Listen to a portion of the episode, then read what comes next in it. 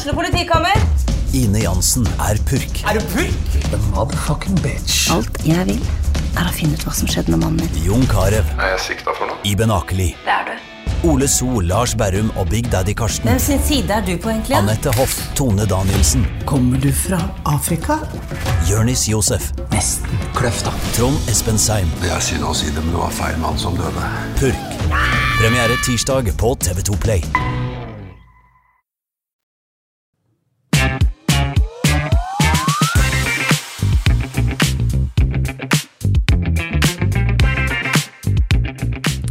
Med de funky tonene, Patrick Holte, er det bare å ønske velkommen til en ny episode med På ballen. Hei. God dag, Jonas. Alt bra med Patrick? Det er eh, bra. Det er eh, vinterferie. Det er sola har begynt å titte fram, så her er det bare å glede seg og kose seg. Skal jeg la musikken gå litt sånn i bakgrunnen, eller skal jeg kutte? Nei, det bestemmer du. Du er jo du er den, eh, du er det musikalske alibiet her i eh, vår eh, lille redaksjon. Det er store ord, så det kutter jeg. Ja, Hjertelig velkommen til en ny episode med På ballen. Og det er godt at dere er med oss, for i dag så har vi en litt annerledes episode enn vi har hatt de to foregående episodene. Men det handler fortsatt om fotball, ikke sant, Patrick? Jo, det gjør det. Nå har vi vært innom eh, Vegard Hansen. Vi har vært innom eh, lokalfotball. Og i dag, eh, Jonas, så skal vi ta del i en annen del av fotballen. Det er helt riktig. Vi skal snakke, om, vi skal snakke med to ja, eh, mennesker som er vanvittig dedikert i Kiel. To supportere, rett og slett. En med relativt lang fartstid. Eh, også en litt nyere, yngre. Eh, la oss kalle det den nye vinen. For eh, vi, skal, vi har tatt en prat med Andreas Møller, som er en av eh, initiativtakerne bak eh, Festningen, Vinger Ultras, som det kaller seg. Som det er da en underavdeling av Kiel supporterklubb. Og de ønsker jo selvfølgelig å skape litt ekstra liv på Hjemslund eh, det, det kommende året. Eh, og utover det så har vi snakket med en annen mann som jeg nevnte. Eh, vært med en mannsalder. Eh, du, du, du kjenner jo til Raggen, Patrick. Thomas Ramstad. Det er ja, I min tid som Kiel-spiller så er vel han sjølve personifiseringa av en Kiel-supporter. Et eh, godt eksemplar sådan. Thomas er snill, han er dedikert, han er til stede overalt. Velkommen til eh, studio, Thomas eh, Ramstad. Jo, takk for det. Nærmer seg sesongstart på Hjemslund og i Obos-ligaen. Ja, hva er forventningene for året som kommer? Nei, det, forventningene blir på en måte litt definerte med sesongen som har vært året før. Da. Så da gikk det jo tålelig bra, så jeg håper jo at vi kan være med å kjempe på det nivået der i år òg, og være en utfordrer til å rykke opp. Men eh, på supporterfronten også, det har skjedd litt uh, Fikk en liten boost på høsten der. Hva, hva, hva skjedde? Nei, det er jo medgang. Eh, det hjelper på som regel, og det ble jo voldsomt eh, oppstyr utover høsten. Fikk inn ganske mye yngre folk på supporterfeltet òg. Og håper jo virkelig at det der blir noe som kan fortsette nå utover i sesongen som kommer. Hva, hva, jeg vet at du og Akil supporterklubb har vært eh, motstandere av disse mandagskampene og TV-tider, som ja, kamper som flytter og, og, alt mulig. Hva skal til for at eh, norsk fotball, ikke bare Kiel og Kiel-fansen, hva skal til for at eh, publikum kommer, strømmer til norske fotballarenaer igjen? Altså, det er jo et komplekst tema å ta da. Jeg tror jo, jeg tror jo absolutt at uh, fotball i helg er eh, til stor hjelp for å få mer folk på tribunene over tid, men nå har jo fotballen blitt spredd over flere år utover flere dager, så jeg tror det tar litt tid å få ting bygd opp igjen, men absolutt bra at vi nå er tilbake i helg.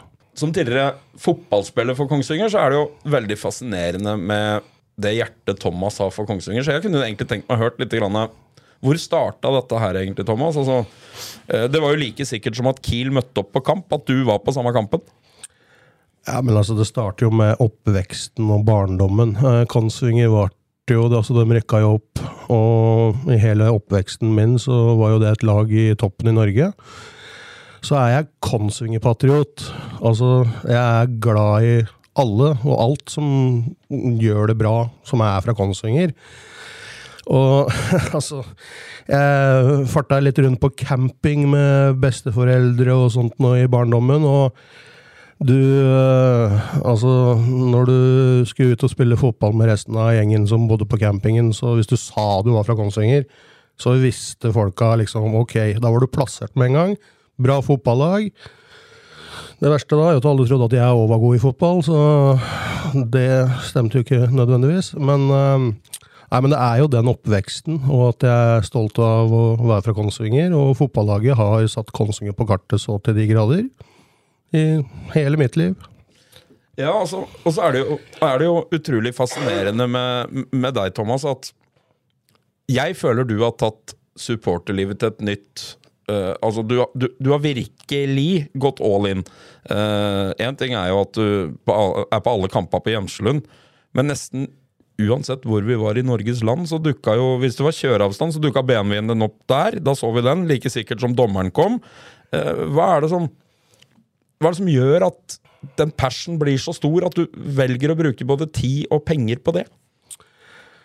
Ja, si det. Uh, nei, det er jo interessen, da, Altså skal jeg si, jeg hater Altså, jeg ser mye fotball på TV men jeg hater å på en måte ikke kunne stå og se og ha fullt overblikk og egentlig kjenne lukta av fotballkampen.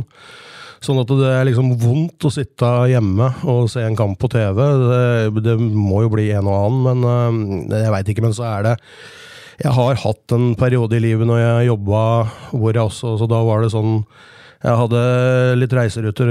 Jeg skulle innom litt storbyer nå og da på diverse møter.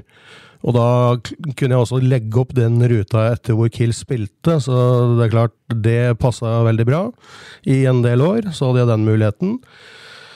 Så, jeg veit ikke. Så har det også prøvd å blitt litt sånn altså Det er en sosial greie, det her òg, da. Eh,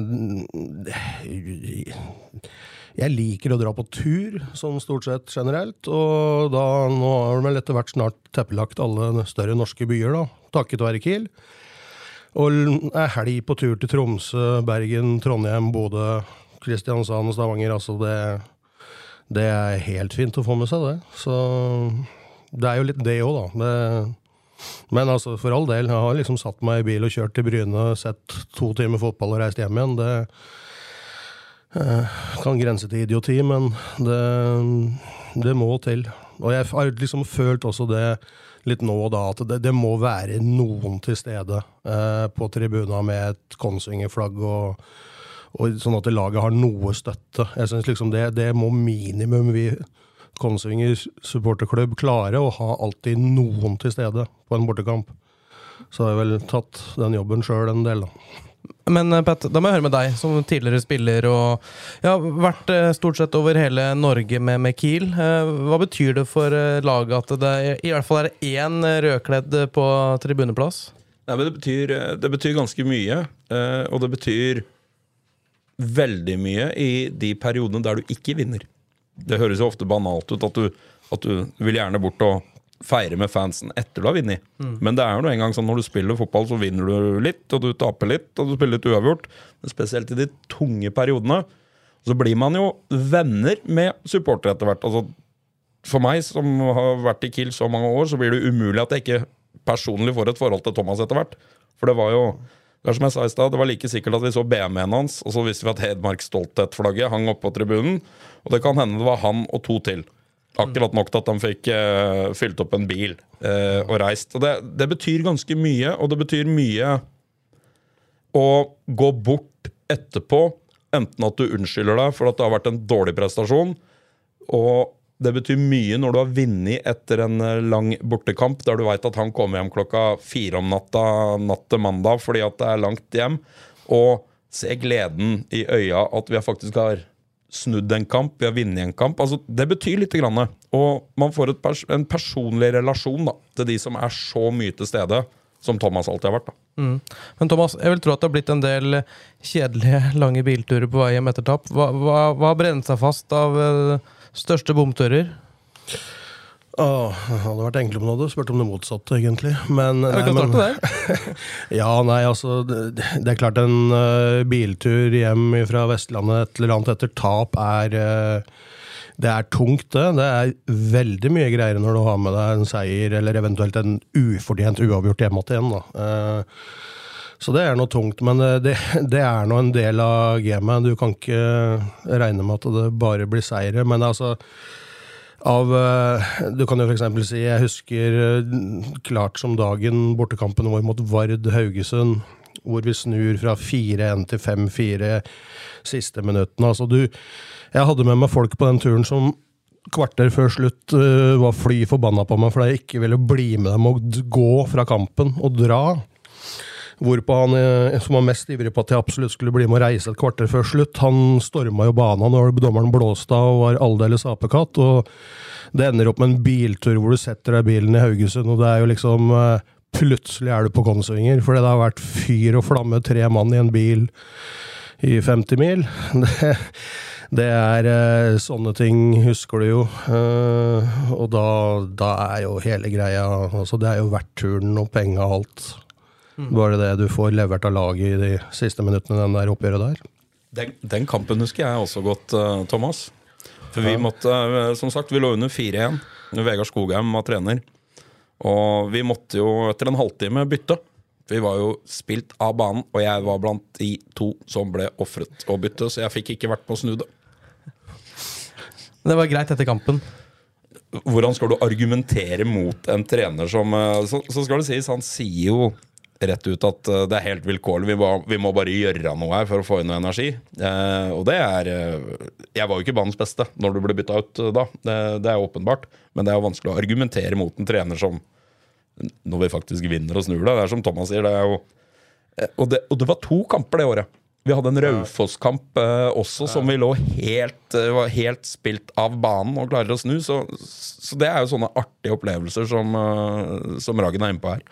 Og Thomas ble stående på tribunen. Det gikk det jo bra til slutt. Det, det ser du viktigheten av eh, supporterne. Ja, så er det jo Så kunne jeg tenkt meg å spørre liksom Thomas. Altså, åpenbart så er jo Gjemselund favorittarenaen til Thomas i Norge. Eh, men er det noen bortebaner? Er det noen support, bort, altså andre supportermiljø, andre plasser det er hyggelig å være Kongsvinger-supporter og komme på besøk? Ja, det er eh, faktisk ganske mange steder, det. Og det, er litt sånn med supporterkulturen nå, så man skulle jo tro at vi Altså, det, det, er folk i større byer og større supporterklubber. Det er krangling og slåssing, og det er dritt og møkk. Men det er når du når du blir på den størrelsen og det som vi er i Kongsvinger, så er det, og vi møter lag da, som også er på vår størrelse, så, og du drar av gårde for å være borte en helg, så treffer du gjerne på de folka dagen før kamp og er ute på byen med dem, og det er rett og slett sosialt hyggelig. De fleste steder, egentlig, og de fleste, alle supporterklubber har hyggelige folk. Så er det noen som har eh, folk som ikke er hyggelige òg. Altså, det fins til og med hyggelige HamKam-supportere.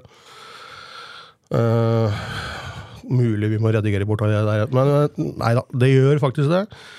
Så, så, det er jo en greie. Eh, men det er sånn Altså Bryne, supporterne, som jeg har vært med på La Manga. Hatt uh, hyggelig lag, uh, og spesielt disse mindre. Det blir ikke like personlig med de litt større supporterklubbene, men det, ja.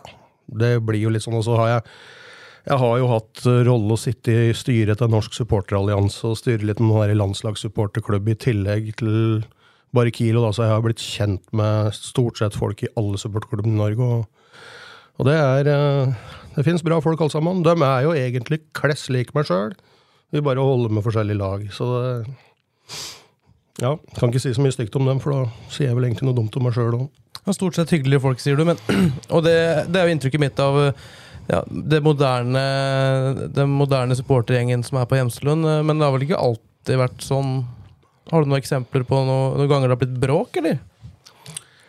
Nei, altså vi Kongsvinger-supportere har vel ikke vært så mye borti bråk. Altså vi, vi har hatt noen insidenser, vi som alle andre. Det er gjerne knytta sammen med alkohol. Men det, det er veldig lite, hvis du skal se på alle åra vi har drevet på med dette her nå. Eh, men eh, det, alkoholen henger jo gjerne litt med eh, i forhold til fotball og tribuneliv, og det er alltid noen som finner på noe dumt. Men vi, vi har nå gått ganske tørrskodd gjennom dette her, vi. Men litt av den supporterkulturen, da. Hva er det som eh, Det er ikke bare Kiel du følger, veit jeg, men hva er det som er så ja, interessant og, og moro ved det? Nei, Det er vel å prøve å få til å skape et engasjement. da, altså, Når det gjelder for Konsvinger, og det jeg på en måte har følt det har vært hovedgreia mi her, er å prøve å være med på å skape engasjement rundt Kiel. Skape mer supportere. Eh, så det er liksom sånn eh, Bare det å prøve å få fylt en buss eh, Og det er jo nettopp for at det skal være flere på plass på tribuna som støtter laget, sånn at spillere kan se at det er noen som bryr seg om dette her vi driver med på matta her. altså. Det er liksom ikke sånn at de bare virrer rundt der og ingen bryr seg. Jeg føler at det Takket være å ha folk som er engasjert rundt en fotballklubb, så er det med på å bidra til at uh, spillere i hvert fall prøver og ønsker å levere litt bedre. Så det er vel hovedgreia med Konsvinger-biten av supporterlivet mitt. Og så har jeg jo så mange andre en sånn her uh, liten kjæledegg i England. Uh, det blir jo en helt annen greie. Uh, der er jo jeg liksom for å suge til meg nesten mer energi. For å ta til for min egen del. fordi altså det er jo en annen verden. Det er et helt annet trykk rundt kamper. Det er så enormt stor forskjell. Men jeg er jo Jeg, jeg syns jo f.eks. tribunekulturen i England kunne vært langt bedre enn det han er. Eh, jeg syns tyskerne er mye bedre. Jeg syns engelskmennene kunne blitt litt løsere i snippen og latt TIFO uh, og sånne type ting. Begynne å ta i bruk mye mer av det. Flagg og visuelle effekter på tribunen. Mm. Fordi uh, Men uh, så engelskmenn er veldig gammeldags. De skal gjøre det på sin måte. Det skal være to hender og kun stemmen for mange klubber. Noen har begynt å leke litt med andre ting òg, men Men ja. Det Altså, Tottenham-biten er på en måte en liten sånn virkelighetsflukt fra hverdagen, eh, så, så, som supporter. Men eh, vi på Kongsvinger, da, hvordan skal man ja, Vi fikk en liten smakebit på det i fjor. Jeg vet jo at det har vært en, ja, en veldig god supporterkultur og en veldig bra supporterklubb her i over 40 år. Eh, hva skal til for å ta det neste steget her? Er det sportslige resultater, eller kan man finne andre årsaker til å bygge kultur? Det er jo Altså, dette her er jo nå mange supporterklubber i Norge som har uh, prøvd å finne opp kruttet på nytt. Og jeg, jeg har vridd huet trill rundt i mange, mange år på liksom, hva som skal gjøres. Og jeg, jeg, vi ser det jo her, vi kan se på Kongsvinger historisk. altså Vi, har, eh, vi rykka jo opp i Eliteserien i 2009. Det tok helt av. Vi fikk cupfinalen i 2016. Det tok helt av. Eh, det tok av litt på høsten i fjor. Så sportslig suksess, det er ingen tvil om at det drar og, og skaper mer engasjement. Men eh, når du driver en fotballklubb og du ikke har pengesekken til Manchester City, så, så vil det gjerne gå litt i bølgedaler. Og jeg, jeg vet ikke, altså har prøvd, vi har prøvd, Kiel har prøvd med å engasjere spillere ut på skoler altså for å skape engasjement blant barna. og altså det, det, ja, Vi kommer kanskje litt inn på det seinere, men det er jo der engasjementet mitt ble skapt. Jeg møtte noen Kiel-spillere når jeg var liten telp.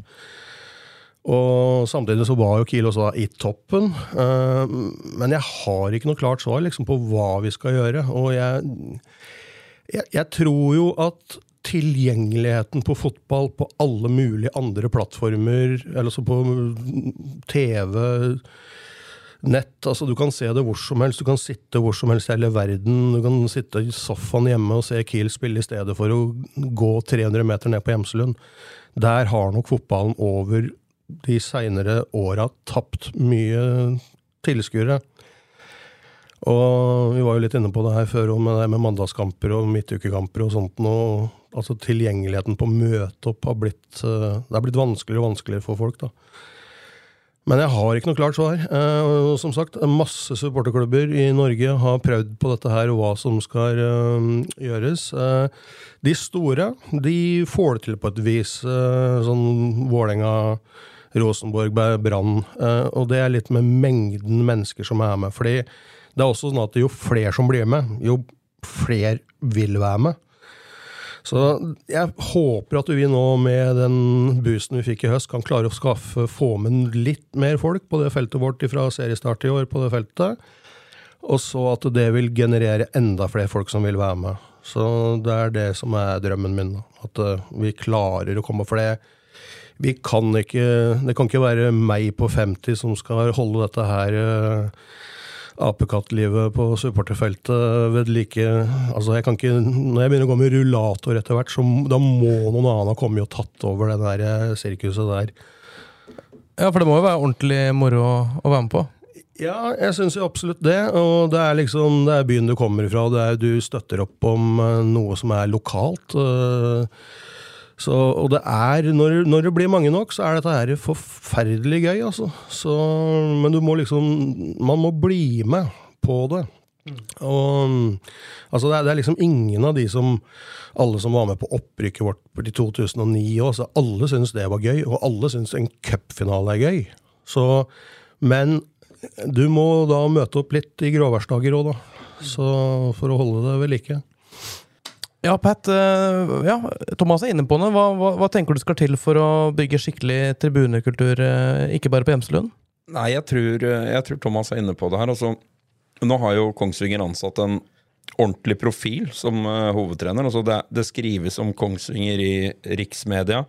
Vi har vel ikke hatt en sånn trenerprofil nasjonalt sett på Kongsvinger siden Tom Nordli var her som et kjent navn. Tror du Vegard Hansen i form av hans aura og personlighet kan òg være med å skape et engasjement for Kiel? Jeg håper jo det. Altså, han er jo kjent. Altså, han, han, har jo Som trener så har han jo stort sett vel bare vært i Mjøndalen. Altså, det er litt sånn her uh, pussig hele greia. Men, uh, og han har gjort en god jobb der. Han har gått opp og ned. Uh, men jeg, jeg, får jo tro det. Altså vet jeg jo ikke noe om, om TV og media står klare for å begynne å lage en uh, lage en ny TV-episode med Konsvinger, men de må jo gjerne gjøre det. Uh, bare det ikke går utover det sportslige. Uh, jeg er jo egentlig mer opptatt av hva han kan klare å levere rent sportslig som trener, at det skal bli sirkus rundt Kiel. Men altså, det er jo Det, det har sin verdi, det òg. Så han får gjerne sørge for mer blest rundt uh, at det drar mer folk på tribuna. Men jeg er spent på det. Jeg vet ikke om det aleine gjør at det er mer folk som får lyst til å gå på kamp. Jeg, jeg, tror ikke det. Jeg, jeg, er nesten helt sikker på at det som skaper det største engasjementet, både i form av stemning og antall på tribunen, er sportslige resultater. Det er jeg nesten overbevist om. Altså, med en gang Kiel kjemper på Vi ser jo nesten at hvis Kiel kjemper om noe, så møter folk opp. Om det er nedrykk eller et opprykk. Det verste er at vi blir en sånn åttendeplass hele sesongen der det ikke skjer all verden eh, opp eller ned. Men uh, det jeg opplever med Vegard Hansen, som, det har jeg ikke opplevd på Kongsvinger siden første perioden til Tom i 2008. Altså det Treneren er en personlighet som folk blir litt nysgjerrige av natur, da. Ja, og, det, og det må jo være veldig, veldig positivt. Også, og det henger jo sammen her. Ja, Møte folk opp på Hjemslund, det setter jo en viss eh, press på, på spillerne? Ja, det gjør det, og så tror jeg det forventes også, her, Vi har fått en Thomas er jo inne på det her. Altså, han, har, han, har, trent Mjøndalen med varierende hell. Men han har vært med og bygd en klubb, han har vært med og bygd en status, han har vært med og bygd en aura rundt Mjøndalen som et produkt. Altså, vi skal ikke lenger tilbake enn Jeg tror det var 2006 så spilte Mjøndalen opprykkskamp på Braskereidfoss mot Elverum. Og han har vært med og bygd at Mjøndalen har blitt et produkt å regne med i norsk toppfotball. Og jeg håper og tror at han Jeg opplever at Vegard tar tak i og snakker Jeg, jeg syns han er befriende ærlig i alle intervjuer. altså Han snakker rett fram, han snakker forståelig. altså det, Jeg tror det skaper et engasjement, da. Altså, og du kan jo si I forhold til det han har bygd Mjøndalen, og det er klart alt det Mjøndalen har blitt etter hvert nå, eh, med stadion og hele pakka Det skal jo sies at supporterklubben nå til Mjøndalen, det var niks og nada. Så er det klart sportlige resultater, og det var vel en første opprykket deres. Uh, altså, det eksploderte jo der. Det tok helt av. Men de rykka jo ned igjen. Og da er det ganske vanlig at da forsvinner mange. Men de har klart å beholde det nede òg.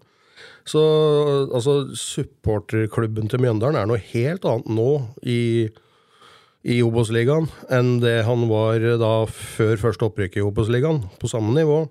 Så alt uh, henger jo gjerne sammen her. Så, og der, det, han skal jo ha mye av æren for den, å ha tatt den, Mjøndalen opp av den sumpa de var i, og så kommer han hit nå, og vi er jo ikke fullt så ned i sumpa som det dem var, så klarer han via Altså spill, hvordan laget spiller, hvordan de leverer, og om det blir opprykk eller ikke i år. altså Det skal ikke være noen sånn endelig avgjørelse på ting, det heller. Men nei, jeg håper jo altså alt og hvordan enn hva som ligger bak, som bidrar til mer engasjement og mer liv, det er hjertelig velkommen uansett hvordan det kommer. Men du har jo gjennom veldig, veldig mange år, Thomas, så har jo du følt Kiel både hjemme og borte. Man skaper jo et man skaper jo en relasjon til årganger av lag. Man skaper en relasjon til spillere, til trenere, til uh, daglige ledere, for den saks skyld. Altså, uh, vi prata med deg på forhånd her. Altså, har du noen Kiel-spillere? Har du en førsteelver som betyr litt ekstra for deg? Og, og hvilke kriterier legger du i det, hvis du skulle ha plukka ut noe sånt? Ja, du forberedte meg jo litt på det der, der da, og raserte hele gårdkvelden for meg. For det Jeg måtte jo sette meg ned, og jeg måtte jo gå inn på den her eminente sida til Fossum og begynne å se over uh, alle som har vært innom siden jeg begynte å følge med på dette her. Og det er, det er ingen enkel sak altså, å begynne å plukke ut en elver. Det går rett og slett ikke an. Og, og det, du er jo litt inne på det, altså det begynner jo å bli en del tiår, dette her nå. Og det er litt sånn at det er, det er liksom Konsinger fra 82 til 99. Uh, hele, alle de åra der i sammenhengen i toppen. Det er liksom altså det, Jeg føler det, det er noen flere epoker der òg. For du har liksom 80-tallet. For det første var jeg så ung, så jeg klarer ikke å sitte og huske mye detaljert tilbake fra det, men da var det jo masse lokale spillere og, og folk som jo for så vidt var mye eldre enn meg. Etter hvert så begynte jeg å begynne å bli på samme alder som de som spilte utpå der, og nå er jeg langt eldre enn de som spiller utpå der. Det er litt pussig i seg sjøl. Føles litt rart. Men, men, det blir noen sånne epoker, og det, det er sånn derre nedrykk også åra etter der, altså de første åra, var liksom nedrykket til førstedivisjon. Og så var det jo egentlig bare sorgen et par år og nedrykk igjen. Og så var det jo et helt forferdelig år i 2002, hvor vi jo nesten lå an til å rykke ned på nivå fire en periode, før i hvert fall det redda seg inn der. Og så kommer opprykket. Og da er det liksom det en ny greie, og da er du på et nytt nivå. og det er liksom ja, Bare det å vinne andredivisjon altså Du skulle ikke tenke at det var noe for en som er født og oppvokst med at vi har vært i norgestoppen og spilt semifinaler i cupen mot Juventus i Europa og det ene med det andre, så, så blir det liksom en greie, det òg, da. Eh, tross alt. Eh, å vinne andredivisjon, og så komme seg tilbake igjen til toppen i 2010, er jo Ja, jeg røyker på en tatovering der, da. Eh, på en dum sak jeg skrev på et forum eh, i jeg tror det var etter serieåpninga i 2000 1-2. Eh, det var vel da vi tapte mot Lyn 2. På Grorud? På Grorud, i et helsikas regnvær. Da føyk jeg rett hjem igjen og skrev på dette gode forumet vi hadde på den tida, at eh, nå dette laget her spiller aldri i toppen i Norge igjen, og skjer det, da skal jeg tatovere et eller annet Kieler-relatert. Så det var det jo en eller annen løk som dro opp igjen da i, på høsten i 2009. Og hva, Hvordan ser den tatoveringa ut? Ja, det er noen greier jeg har på leggen der. Noe 1892-sak. Uh, fins penere tatoveringer, altså, men den er ganske svær, og den kosta noen tusen, så det var noe Men jeg må jo stå for det når jeg først har vært uh, tøff i trynet. Jeg sa jo også etter den kampen der at uh, nå har jeg sett min siste kamp, Kiel-kamp for dette året, altså i 2002. Vi spilte på Lengste borteturen Jeg bodde i Oslo da. Lengste borteturen fra Oslo var Nybergsund borte. Når sesongen var ferdig, så hadde jeg sett alle kampene den sesongen, og det var ingen god sesong, altså. Det det, det, inkluderer jo at uh, meg bekjent så spilte jo Kiel sin egen uh, første og eneste offisielle kamp på Westernsletta det året der, mot Grindvoll, kan det stemme? Jeg vet jeg har vært på Westernsletta ja, med Jørgen Neumann og trener til Grindvoll og det ene med det andre. eh, og vi vant. Og da sto jeg altså, da, Det var hogstfelt som var liksom ene langsida der. Og det var vel under elgjakta dette her. Og så du, du satt jo der med og var usikker på om du kom deg til å komme deg derifra i live. Eh, vi vant. Uh, tror faktisk Hai til og med scora. Du kunne nesten stå og henge på stolpen uh, rundt, uh, rundt bana der. Uh, det var litt spesielt. men Jeg husker ikke helt om det var det året, men ja da, vi var der òg. Altså, alt har sin sjarm her. Det er Møte Juventus er stort, men det har sin sjarm å ta en tur til Westernsletta òg. Altså. Det, det har det. Men altså, tilbake til det der med denne elveren. Det er veldig mye forskjellige kriterier, da. For det er litt sånn eh, Jeg plukka ut en del som er lokale. Eh, Det syns, jeg syns jo det er stas med, med lokale spillere. Jeg vet ikke om vi skal dra gjennom hele lista i en smell. Ja, er, det, er det kulthelter, eller er det de med de beste prestasjonene? Eller er det enkelte øyeblikk? Hva er det, hva er det du har å by på? Det er eh, lett blanding. altså Det er liksom ikke det er ikke, det, er ikke best. Eh, Noen er det òg. Noen er litt sånne eh, kultfigurer, som jeg syns. Og så er det noen sånne eh, Ja, hva skal du si Akkurat enkeltprestasjoner er det vel kanskje ikke med her, men Altså, Vi kan begynne med keeper. da. Eh, der er det jo altså, Alle posisjoner her er det, har det vært nok av folk å velge mellom. Men eh, jeg følte at det, ble litt tynt med folk som var fra 2016-laget, cupfinalelaget, og jeg føler at Otto Fredriksson må da få plassen der. Så har jeg en reserve til han det er Tore Krokstad. Jeg føler at Otto Fredriksson må med fordi det var helt sjøvilt å spille året før, 2015, i andredivisjon med Otto Fredriksson i mål. Altså det, har det, er, det er ingen bedre keeper som har stått i andredivisjon, kommer aldri til å bli heller. Eh, helt spinnvilt. Vi fikk inn han Antageligvis av de bedre keepere. Altså, vi har hatt mye gode keepere i Kongsvinger, og har det i dag òg. men han, han er god og god, altså.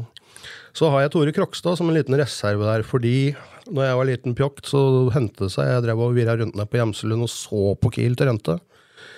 En gang så fikk jeg være med avslutninga på treninga, for de skulle ha straffekonk på avslutta treninga med straffesparkkonkurranse, hvor jeg fikk være med, og jeg vant hele konken. Det var med Tore Krokstad i mål. Jeg tror muligens han var snill med et par av de skuddene mine, men eh, jeg var jo jævla stolt av meg sjøl etterpå, i hvert fall. Nok til å fortjene en plass på laget, da. Ja, ja, han er i hvert fall god reserve til eh, Fredriksson der. Ja. Eh, så jeg begynner på høyrebekk, og så har jeg egentlig første jeg skrev opp der, er Martin Lindnes. Og det er vel da Han Karrieren hans i Konsinger er ikke på høyeste nivå. Eh, eller jo, han var jo med i 2010. Det var han jo. Han var vel litt sånn inn og ut. Jeg husker jeg så han borte mot Rosenborg, hvor vi lå under 3-0 før vel omtrent halvparten av Kiel-supporterne hadde fått komme seg inn på tribuna. Fikk kjørt seg så det holdt. Så, men det med han er vel at han er vel da den av de mest lokale som har gått lengst, og det har vært utrolig moro å følge han etterpå. da. Med landslag og utenlandsopphold og levert bra i Molde. Eh, skulle ønske vi fikk mange mange millioner for når han gikk til Molde. Vi gjorde ikke det, men det, det har jo vært moro, å følge han. Og så er, der har jeg jo faktisk tre reserver. Det er, vi kommer til å drive på til nyttår hvis jeg skal på. Men Vibe Lund var vel innom eh, den høyrebacken en periode, og det er klart, Vibe Lund med den sesongen, eh, opprykkssesongen, og det, han og det, det skjegget som han ikke skulle ta før eh, det er jo en gimmick som var jævlig kult å følge det året der, da, så han så jo ikke ut til slutt. Så ja. Midtstopperne kan vi jo, den ene kan vi jo gå det er Vidar Sannerud må bare med. Han uh, bauta av en annen verden. og hender seg har litt jobb med han en dag i forhold til landslag og supportergreier der òg, så han er stødig fyr som uh, bare må være med. Uh, andre midtstopperen blir egentlig der Det er masse folk å ta her, men altså jeg må ha med Kai Olav Ryen. Han eh, har eh, er en av de som har flest kamper for klubben. Eh, mye en del år der som ikke har vært de beste åra for Kiel del sportslig, men han holdt ut lenge. Sabla synd med at når vi i 2010 Han fikk vel ikke mange minutter han fikk. Han ble jo skada og borte resten av den sesongen øh, når han først fikk komme seg inn på banen. Skulle ønske at han hadde fått oppleve mye mer av spill på det nivået der. På venstreback Nei, ja, høyreback, da. Nå ble jeg veldig usikker på om denne karen her egentlig um, hadde, hadde den posisjonen. Det blir sånn her 80-tallsspiller, men det er Geir Hagaløkken. Og det, det, var litt jeg prata om Kiel-spillere ut på skoler og gjøre seg kjent med. Han var altså Han jobba i banken. Når, vi, når, jeg gikk på Langlandsskolen og vi samla inn penger til leirskolen i sjette klasse, da kom han meg i kasse sånn én gang i måneden, hvor vi da stappa en 20 kroner eller en 50-lapp eller noe, for de drev og spara penger til den der leirskolen vi skulle på i sjette klasse, og det var altså en så stor opplevelse når han kom med den kassa. Og det bidro til Altså, han var helt, og det Jeg holdt med Altså, når jeg gikk på Kiel-kamper på 80-tallet, så Jeg holdt med Kiel, men jeg holdt ekstra med han. Så det, men det er den der turen han hadde innom klasserommet. Og på midtbana så Fremming kom ikke unna.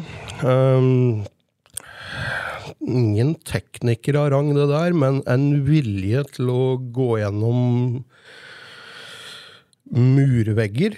Og holdt ut i mange år og fikk liksom eh, Det ble opprykk og, og var med på mye moro. Eh, ære være han bare må være med på et sånt lag. Eh, sentralt på midtbanen har jeg Jørn Karlsrød. Det er altså, Han ble jo her i mange år, og det er litt sånn der, Han fortjener den plassen fordi han var en av alle de som vi henta utenfra i Kongsvinger, som kom til Kongsvinger, ble gode også som ble her. Alle andre stort sett forsvant jo når noen større kom og banka på døra, men Jørn ble, og han kunne også gått andre steder. Og er i byen fortsatt. Og det, det er kult at eh, klubben faktisk har henta spillere som har endt opp med å bli her. Hender det sånn at du blir litt sånn starstruck hvis du ser Jørn Karlsrud eller Geir Hagaløkken på butikken? eller? Jeg vet ikke om jeg klarte å kjenne igjen Hagaløkken noen gang, men hadde jeg gjort det altså det er, eh, Jeg har en til her som antageligvis uh, Jeg kan komme tilbake til han etterpå. Men nei, altså, jeg møter på Jørn og snakker litt med han her og der. og Altså, det er litt plagsomt at den er bedre enn meg i tennis for tida. Det, det litt, egentlig burde jeg vel ha stryket lista av den grunn, men det, den mannen er jo Han er jo et multitalent, da, tydeligvis, så må bare leve med. Eh, men jeg, jeg, husker jeg møtte Jørn en gang ute på byen i Kongsvinger etter Det hadde vært en tippekamp. Kongsvinger hadde vært Lillestrøm, og så tror jeg, jeg tror Kiel hadde vunnet eller i hvert fall spilt uavgjort eller noe. og det hadde vært sånn jeg, jeg møtte han på byen, og da, da, var det sånn ja, Jeg hadde vel fått i meg litt, og jeg omfavna han, og da var det sånn men det er vel blitt litt mer normalisert, det der forholdet der etter hvert. Det er ikke, er ikke helt uh, er ikke så ille. Uh, ja, uh, Sistemann på midtbanen da, det er da rett og slett best. Og det er Andreas Allen. Uh, kan ikke komme unna at det er det jeg mener er den beste spilleren som har vært på Kiel noensinne. Nå er det litt sånn å begynne å prate om det, og da når du liksom Jeg har ikke nevnt Peller, jeg har ikke nevnt Tomteberget med et ord. altså De gutta på 80-tallet de herja jo og var jo knallbra, de òg. Men Andreas Alm de to åra han var her, altså 98-99, det var jo ikke akkurat glansperioden av Kiel i toppen. Det, og hadde han ikke vært her i 88, så tipper jeg vi hadde rykka ned i 88. Uh, men han var god, altså. Steike ta. Det har gått noen rykter om at Kiel har prøvd å få hente en annen som trener, men det har vel aldri passa sånn. Det har i hvert fall ikke blitt noe. Jeg, en eller annen gang, da, sånn om uh, 15 års tid, når uh, når uh, Vegard Hansen har fått oss opp i Eliteserien og holdt oss der, og vi har tatt noen medaljer og litt sånt, og Vegard Hansen finner ut at han skal gi seg sjøl, så hadde det vært hyggelig å få inn Alner altså, Alm som trener i Kongsvinger. Det hadde vært gøy. Da kunne du blitt litt starstruck da han kom inn på Hjemselund? Ja, da tror jeg Da tror jeg nesten jeg kunne gått og bedt om autograf. Altså det, det, nei, det var litt sånn kult å følge med han etterpå. da, så Han var på svenske landslag, og han hadde trenerkarriere som han har jo tidvis gjort det veldig bra. så Nei, han var, han var god, altså, rett og slett. Um, Bevege oss opp på topp, da, så Altså, nå har jeg glemt Jeg hadde Arnfinn Engebakk som uh, reserve til Jørn Karlsrud her, og Det er jo en mann som da endte opp med å spille alle posisjoner i Kiel. Uh, han endte vel opp med å få noen minutter som keeper. Det er jo en prestasjon i seg sjøl som bare må tas med, og det er sånn arbeidsmaur som du kunne bruke til alt. Eh, og som også ja, Trysil han var ifra, og fortsatt i byen. Er gull, vet du. Så det var midtbana. Eh, på topp, der har vi jo da eller første og eneste som fortsatt er aktiv. Adam Given. Altså det Hvis du ser på antall kamper, mest mål for klubben gjennom historien og alle disse her åra, og betydningen hans når han fra han kom inn og de første, første perioden hans her, altså den var enorm. Han må bare få lov til å være med, og så håper jeg bare han klarer å få seg en knallbra sesong i år. og Klarer han det, så kan han vel henge med et år til, da. og han trenger ikke gå over til å bake pizza på helt i enda, men, eh, men eh, nei, du ønsker bare mannen alt godt. Og med tanke på altså det er det mengden mål og alt han har levert til Kiel. Han må være med. Um, ja. Cato Holte, toppspiss, må bare være med. altså det er sånn maskin. Det er altså, vi har hatt mye spisser. Jeg har liksom satt opp Geir Frigård som uh, som uh, reserve til Cato Holte, men uh, altså Geir Frigård må jo med bare fordi det er mål på Ullevål. Det skårer mot Juventus i den ene kampen jeg ikke fikk sett live. Det er jo vondt i sjela, men uh, det, det, Han fortjener jo å være reserve der, i hvert fall, med Cato Holte med de der uh, skøytelåra. Strena rundt og bøtta inn mål. Det var stort. Sistemann på topp da, eh, som Jeg kan jo begynne med reserven til sistemann.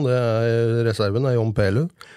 Og det var jo bare en sånn ekstrem artig skrue å se på når han var på i den der perioden eh, han var i Kiel. Altså, den skåra noen mål som vi Ja, ingen annen har skåra på den måten. Eh, så gikk han til Rosenborg og fikk kronisk krampe i begge beina samtidig, og det var en artig sak i seg sjøl.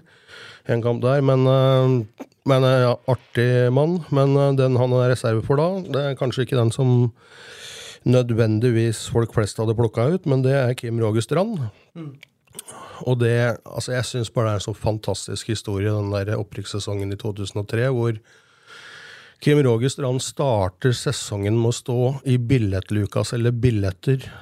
Og når eh, året er over, så har vi rykka opp, og han har jo bøtta inn noe helt vanvittig med mål, og det var en liten spirrevipp fra Flisa-traktene som liksom bare Du forventa deg ingenting. Så hadde han et bra lag med rundt seg. Hadde en Patrick Holte som satte inn et rimelig viktig mål mot uh, Ullkisa. Uh, litt ut i den sesongen der òg, men, uh, men den karen oppi, oppi resten av den gjengen der, og som da fløy på topp og, og denga inn mål, det var uh, som noe sånn ut av deg sjøl. Mm. Så ja, det var, eh, det var laget. Så kunne det ha vært 100 eh, til på lista her. Det var laget. Da, vi unner oss en liten lydeffekt, tror jeg. Det. Stilig. Ja. ja var... jeg, jeg, må skyte inn. Det var ingen, uh, ingen Patrick Holte på, på laget, Patrick. Kommentar? Ja, det, det, lever jeg veldig godt med, men, men jeg elsker sånne lister som Thomas har satt opp. Fordi det er en personlig liste. Og her er det typer fra tidlig 80-tall til spillere som spiller i dag. Og det er livet til en livslang supporter. Og det, er, og det er det jeg syns en sånn liste skal representere. Ja, For du kjenner deg litt inn igjen i, i, i årsakene til eh, ja, at enkelte har kommet inn på drømmelaget? Ja, altså, også, så er det ofte enkelt. Også den som Thomas er inne på innledningsvis. Skulle han ha satt opp en drømmeelver som hadde bestått av de elleve beste til å vinne fotballkamper til Kiel, så hadde det antageligvis den lista sett annerledes ut. Men det er en personlig historie bak hvorfor nettopp de er på laget. Og jeg syns det blir mye mer interessant med en gang. Jo, det er liksom sånn Vi var inne på den Vard Haugesund-kampen òg, eh, borte som snudde. Der var jo Ryen blant annet veldig delaktig i den snuoperasjonen. For altså, Han er en midtstopper, men han har jo spilt spiss før i livet. Da. Men de siste kvarteret der så spilte han altså, Vi spilte vel i en 2-1-17-formasjon eller noe sånt. Siste kvarteret av den kampen, og Ryen var jo på topp. Og han skåra jo og var delaktig i flere mål der. Det er bare sånne der, eh, herlige greier. Men så er det sånn for Patrick sin del, altså skal det sies at hvis det der vådeskuddet ditt fra 63 meter hadde kommet i Lillehammer-kampen, og hadde det vært det avgjørende målet, da hadde du vært på lista her. altså. Men han kom litt tidligere i sesongen. Det var æskla viktig, det òg, men det, du hadde nok kommet lett med på lista hvis den hadde gått inn mot Lillehammer. Jeg bruker jo å si på fleip at jeg skårte jo bare når de andre ikke klarte å skåre. Ja. Og, og det var jo fire andre som skårte mot Lillehammer, så det, jeg trengtes jo ikke. Du er på eh, drømmelaget til en eller annen, vet du, Pet. Ja, og, det, og det er viktig for meg å si at det er ikke så viktig for meg personlig, men jeg syns det er utrolig gøy at Thomas drar fram Kim Roger Strand, som er en uh, tidligere lagkamerat av meg. Kim Salabim. Kim Salabim. Han, uh, og det er jo helt korrekt som Thomas sier, at jeg tror nok ingen, inklusiv meg sjøl, trodde at han kom til å spille en stor rolle i 2003-årgangen til Kiel. For det så ikke sånn ut på den vinteren. Han starta i billettluka året før, tror jeg han var på utlån til Galterud.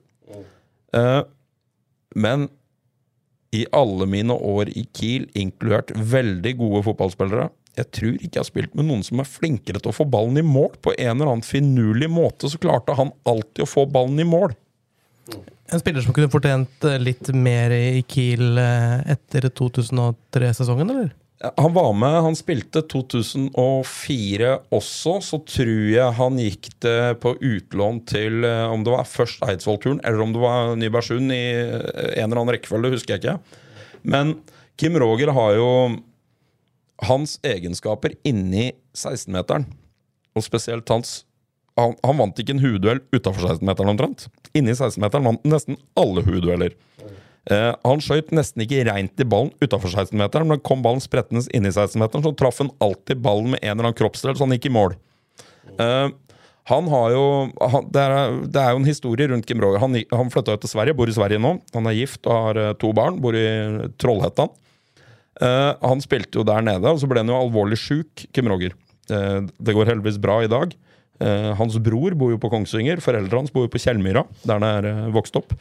Men uh, jeg, jeg syns det var litt stas at Thomas har med ham på lista si, fordi han, jeg tror han og Pål Olausson delte toppskårertittelen i 2003. Uh, og Kim solgte billetter første kampen. Ja, men er det ikke sånne historier som eh, Ja, det, det litt av sjarmen med fotball, da?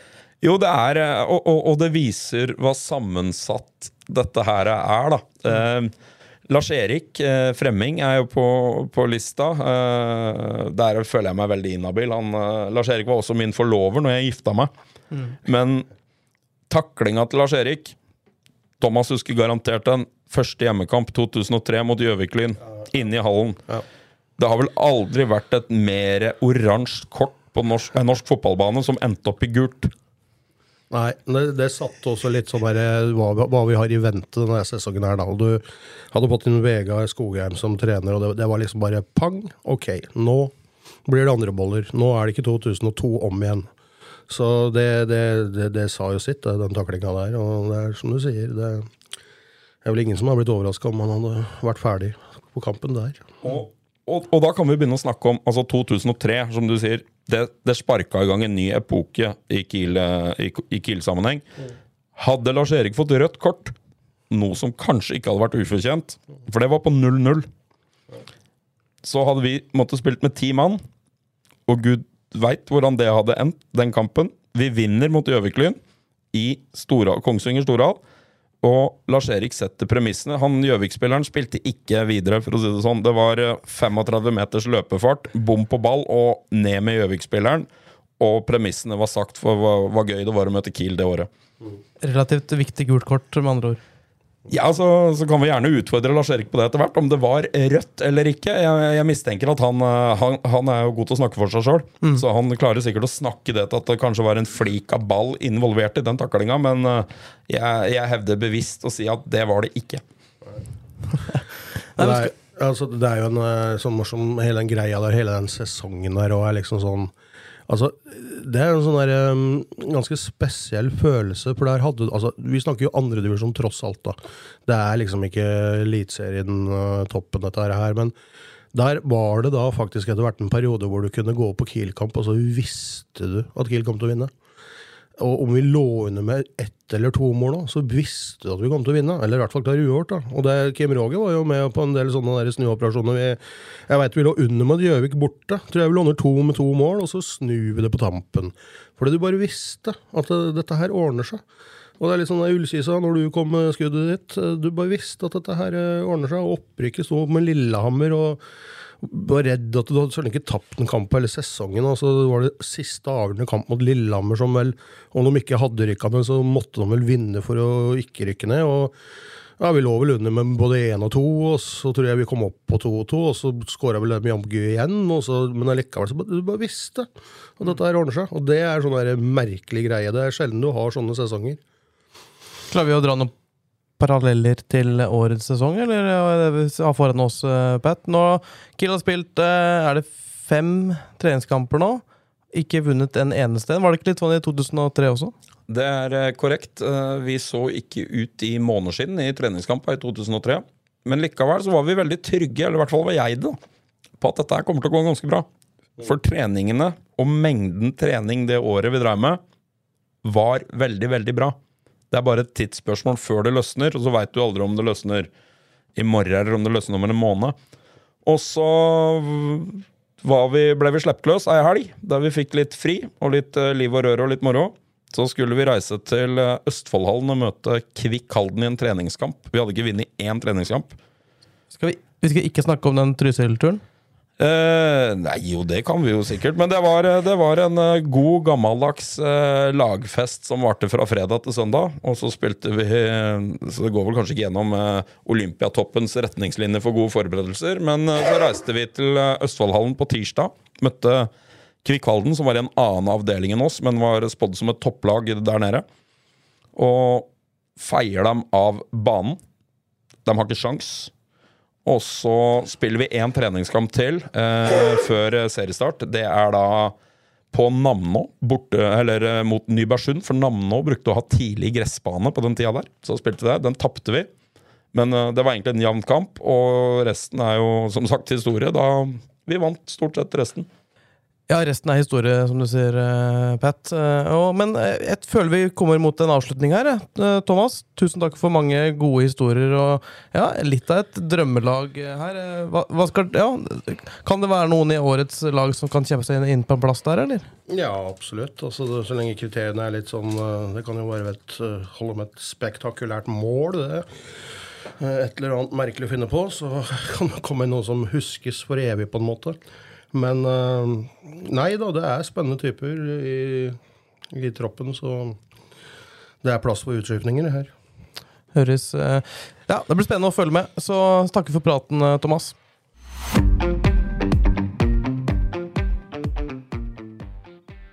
Og på telefon nå har vi fått Andreas Møller. Han er en av ja, uh, initiativtakerne til uh, Vinger Ultras, Festningen, en underavdeling av Kiel supporterklubb. Andreas, takk for at du tar deg tid til en liten prat. Jo, takk selv. Takk selv. Kan ikke du fortelle litt om hva, ja, altså, hva, er, hva er, Festningen? Hva, hva, står det for? Festningen, navnet i seg sjøl, kommer, kommer, jo fra Kongsvinger festning. At vi, vi, skal vise at vi står, står støtt og står sterkt. Så som symboliserer uh, Kongsvinger. Og Ultras er jo nå laga for at vi ser jo ut i Europa hvor stort sånne Ultras-grupperinger har vært. Og vi tenkte at for å løfte Kongsvinger supporterklubb nå, så er det på tide at vi også utvider på den måten her. Hva slags kultur er det i en Ultras-gruppering? Ultras er jo, det ligger jo litt i navnet. De er litt gærne. Det er pyro, det er litt lovløst til tider. Så det, ja, det, er en, det er en tøffere versjon av supportklubber, rett og slett. Ok, Så det er litt, litt lovløst, sier du. Hva er det man ønsker med en slik gjeng? det man ønsker er jo å dra, ikke minst for å dra opp stemninga, og, at det kan skape ja, et mer blikkfang rundt både klubb og supporterklubb. Ja, Riktig, så dere skal skape stemning eh, både før, under og etter eh, Kiels eh, kamper? Det er helt korrekt. Høres bra ut. Nå, nå nærmer det seg jo sesongstart. Hva er det man kan forvente av festningen i år? Eh, dere kan forvente pyro hvert fall. Det er noe vi jobber fremdeles med. Å få tak i nok, og i det hele tatt få tak i. Det er jo eh, NFF som setter stopper eh, der. Men eh, vi gjør alt vi kan for å klare å få tak i det vi trenger. Og så jobber vi med å planlegge litt TIFO, som det var i gamle dager. Med Kiel supportklubb, med svære bannere utover tribuna og litt sånn. Men supportersanger og sånn, der kommer vi til å samkjøre oss sammen med supporterklubben. For det ønsker vi ikke å røre noe ved. Ja, for dere, dere er ingen konkurrent til eh, Kiel supporterklubb? Dere er en, en støttespiller, eller hvordan fungerer det? Ja, det er, akkurat som du sier. Det er på ingen måte for å konkurrere mot supporterklubben. Dette er kun en underavdeling av supporterklubben for å heise supporterklubben som en eh, helhet. Hva, ja, hvem er det du ønsker å ha med deg? Målgruppen er jo egentlig de, de unge i Kongsvinger. For det, det siste året har det jo vært et generasjonsskifte når det kommer til supporterklubben generelt. Så vi håper at vi klarer å treffe en del unge folk da, som kan bli med og heise supporterkulturen i Kongsvinger slik den en gang var. Men eh, det høres ut som det er litt sånn i gråsonen her, da, med pyro og litt eh, bråk og litt sånne ting. Eh, Det, det lokker, lokker ikke til deg feil mennesker, da? Eh, nei, uh, vi har, uh, vi har et tett samarbeid sammen med supportklubben og styret der. Og vi er, vi er veldig klare på at vi holder oss, holder oss til loven. Det skal vi sørge for at vi gjør gjennom hele sesongen. Det høres ut som en god plan, men da reiser man på Hjemslund eller en, en Kiel-kamp i nærheten, så får man oppleve gjengen din på, på nært hold, regner jeg med? Det får vi absolutt håpe. Og jeg er jo som sagt jeg er jo bosatt i Oslo, så jeg prøver jo å reise litt rundt i Norge i løpet av sesongen. Så jeg håper jo at vi, vi fra den nye grupperinga også kan bidra til å reise litt rundt i år. Og Andreas, Hvis man ønsker å bli med da i Vinger Ultra, så hva, man, hva må man gjøre da? Eh, Vi har egentlig ikke satt noe særlig krav, annet enn at du må være høyst opptatt av Kongsvinger, Kiel og supporterklubben eh, generelt. Og det er fri innmelding, ingen avgifter eller noen ting. Så her er det bare å bli med. Det var Andreas Møller, det. Eh, En av de som ønsker å skape blest på tribunene den kommende sesongen, Patrick. Eh, Hva, hva tenker du om det? Nei, jeg gleder meg til å høre mer fra dem. Jeg syns de kom uh, godt inn i på slutten av fjorårssesongen. Skapte masse liv og røre på tribunen, så jeg gleder meg til å høre mer fra dem. Og det tror jeg ble aller siste ordet, Patrick. Eh, Vi kan si tusen takk for oss. Takk for at du fulgte dagens episode. Vi er tilbake om en uke. Har du et enkeltpersonforetak eller en liten bedrift? Da er du sikkert lei av å høre meg snakke om hvor enkelt det er med kvitteringer og bilag i fiken, så vi eh, gir oss her, vi. Fordi vi liker enkelt. Fiken superenkelt regnskap.